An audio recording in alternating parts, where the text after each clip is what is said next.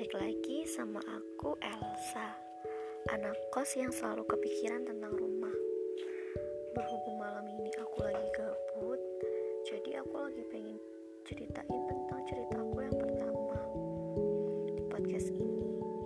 Hmm, Aku mau bagi cerita saat tentang gimana sih Rasanya jadi mahasiswi yang rasa asing di kampus. Sama sekali gak ada yang kenal di kampus.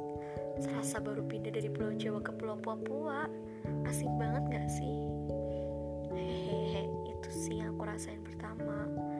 Jujur, masuk ke salah satu univ favorit di Indonesia itu Rasanya gak nyangka dan masih heran. Apalagi dengan jurusan yang ternyata pas dijalanin.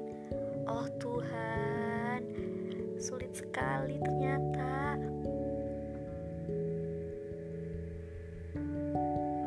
This my choose Aku harus bisa ngelewatin ini hingga akhir. Ingat, gak ada yang namanya salah jurusan. Mungkin saat ini Jalan yang harus aku lewati ya ini.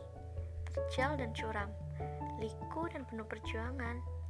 Tapi sejauh ini Aku percaya Gak akan ada perjuangan yang sia-sia. Dengan segala kekuatan dan doa Aku yakin bisa sampai di akhir dengan sebuah gelar sarjana sains dan lulus dengan hasil yang baik.